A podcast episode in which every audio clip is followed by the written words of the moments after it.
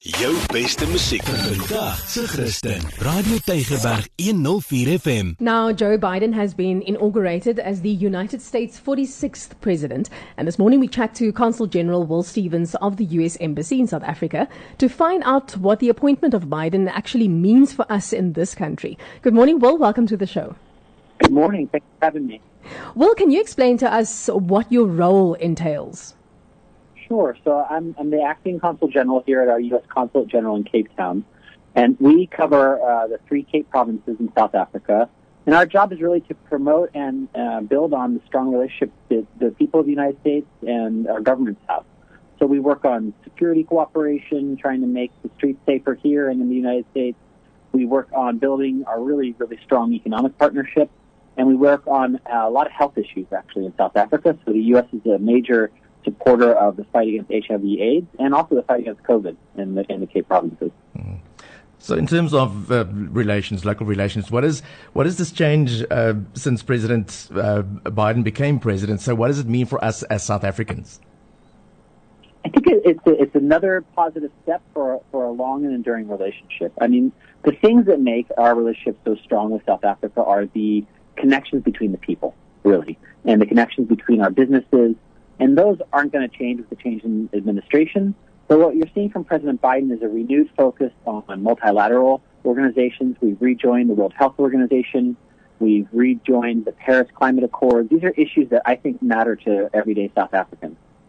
So, Will, what is the current U.S. policies um, that you feel South Africans need to know about? Well, I think that the most important thing your average South African needs to know about is how much of a partner the United States is uh, on trade and investment here in the Western Cape for your listeners. The U.S. is the number one foreign direct investor in the Western Cape. There are hundreds of U.S. companies based here or companies that have a U.S. partnership. We are the number two or three destination for South Af- Western Cape exports. So when you're thinking about, and those exports actually are growing right now, even during COVID. Just in the last six months, we saw a 70% increase in citrus exports.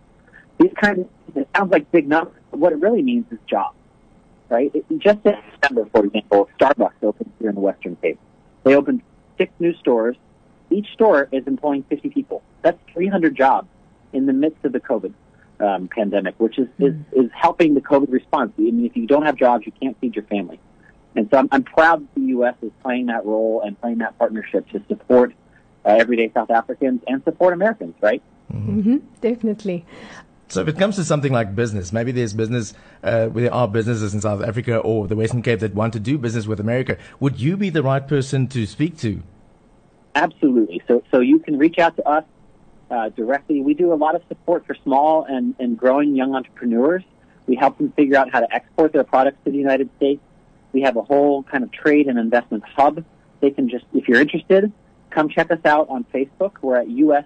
Consulate CT uh, and you can just follow us. There's information about exchange programs for students who want to go to the States. There's information about our policies. There's information about trade and business opportunities. Absolutely, yes. Amazing. Awesome. Thank you very much for joining us on the show today. And uh, yeah, it's it's awesome. Thank you very much for being involved in our country, and all the best. My pleasure. Thank you so much for taking time to talk to me. Thank okay, you. Bye-bye. Jou beste musiek vandag se Christen. Radio Tygerberg 104 FM.